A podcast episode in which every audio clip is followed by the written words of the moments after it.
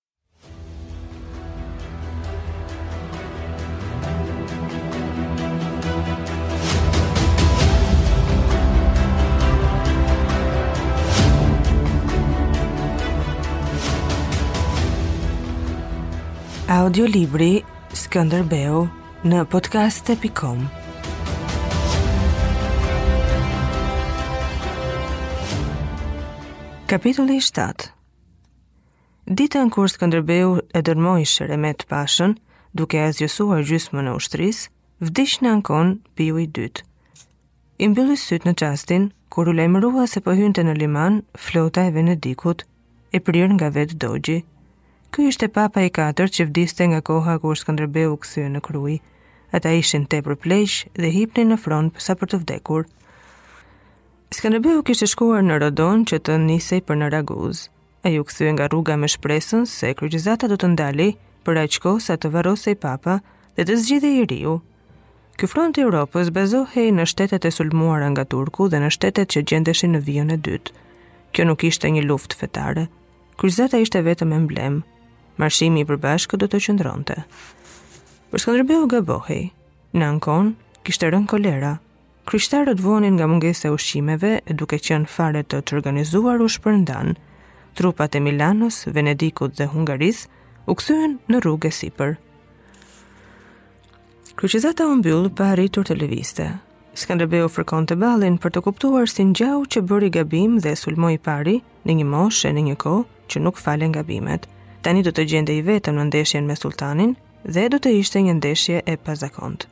Nga zhurma që ngriti kryqëzata, ai pati një përfitim vetjak. Tre muaj më parë, kishte bërë një udhëtim të shpejtë në Napoli, për të marrë nga mbreti Ferdinand katër feudet e premtuara dhe pensionin, po këto nuk ishin kurrgjë para rrezikut që e kërcënonte.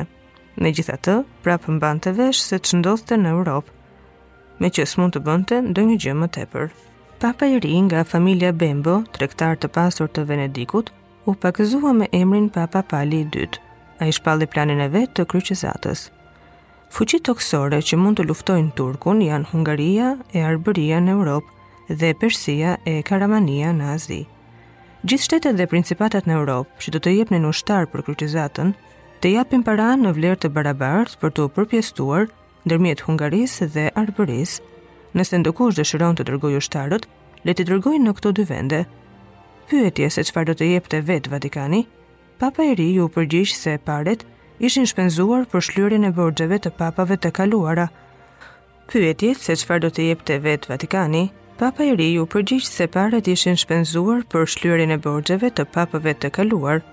Megjithatë, Selia e Shenjtë do të jepte për kryqëzatën të ardhurat nga minierat e alaunit në Tofla, që u zbulua papritur nga Zoti si një thesar për krishtërimin.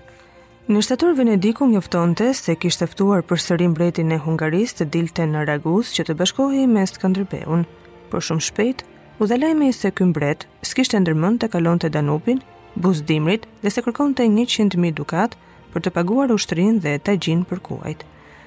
Kishin kaluar kohët heroike të Huniadit, që kishte zbritur në Beligrad në krye të ushtrisë të zbathur fshatare, të armatosur me kosa e me sfurqe. Skënderbeu mbahej vetëm para turkut, duke pasur mbrapa një Venedik që mund ta linte në sheshin e luftës, siç kishte bërë me Gjon Kastriotin 36 vite të shkuara. Në Europë u përhap me shpejtësi lajmi i habitshëm se Sultan Mehmeti po fryhej. Atë e kishte kapur një trashje e panatyrshme e trupit. Asnjëri nuk e kishte parë sultanin të trashej e të fryhej, por askush nuk e vinte në dyshim se ashtu po ndodhte. Në kisha bëheshin lutje që ky përbindësh të trashej një centimetër çdo ditë dhe në këtë kishin varur shpresat. Mehmeti i sëmurë nuk bëri ndonjë ndryshim me rëndësi në strategjinë e tij, edhe kur pa se kryqëzata fluturoi në qiell bashkë me shpirtin e papës. Ai vazhdoi të zbrapste Venedikun në More.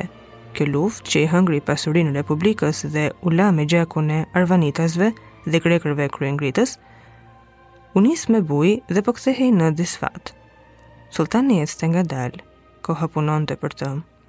Perandori Frederik, që ishte i vetëshpallur mbret i Hungarisë, pranonte ndihmën e turkut për të thyer Matia Korvinin.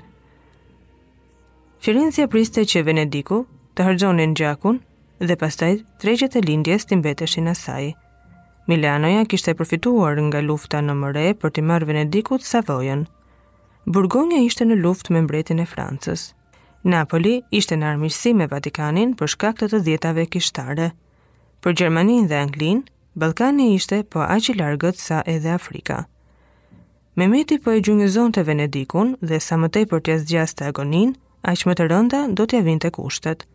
Ndërkohë Mehmeti do të merrej me kurimin e trupit të tij, si dhe me Skënderbeun, që nxiste armiqësinë e Europës kundër pushtuesit, që pengonte rrugën drejt Italisë dhe Venedikut, që nuk pranonte as paqe, as haraç, dhe që kishte dalë fitues për 20 vjet me radhë. Por edhe kundër Skënderbeut, Mehmeti nuk bëri ndonjë gjë të bujshme në mbarimin e vitit 1463, veç një lëvizje të thjeshtë që nuk ra në sy. Emëroi sanxhakbej në Ohër dhe Arbërinë e Jugut, Ballaban Pashë Baderën dhe nisi me 18.000 ushtarë. Ballaban Pasha ishte lindur në fshatin Bader të Matit, i marrë rob që 8 vjeç dhe i bërë jeniçer. Ishte ndër të parët që u ngjitën në muret e Konstantinopojës nën sytë e sultanit. Atë çast ndriti ylli i Baderës, që aty filloi ngjitja e tij nga viti në vit për t'u bërë një ndër pashallarët më të shquar. Ai ishte një burrë i paktë, i fortë, i qetë në pamje, por gjithnjë i gatshëm. Ai nuk i njihte rreziqet me të cilat natyra rrethon njeriun dhe dukej se nuk njihte as vetë vdekjen. I vetmi bosht i jetës së tij ishte Sultan Mehmeti. Ai ishte pashai i duhur për kundrejt Skëndërbeut, sepse tek ai kryqëzoheshin ndjesitë e shqiptarit me mendjen e turkut. Ballabani hyri befas në Dibër dhe i çoi dhurata Skënderbeut duke kërkuar ndjesë që po shkelte tokën. E keqja e detyronte atë të vinte atje me ushtrinë. Ai s'kishte harruar asnjë ditë që ishte i biri i këtij vendi. Ai do t'i bënte Skënderbeut çdo shërbim përveç tradhtisë ndaj sulltanit dhe priste me dorë në zemër një fjalë të mirë.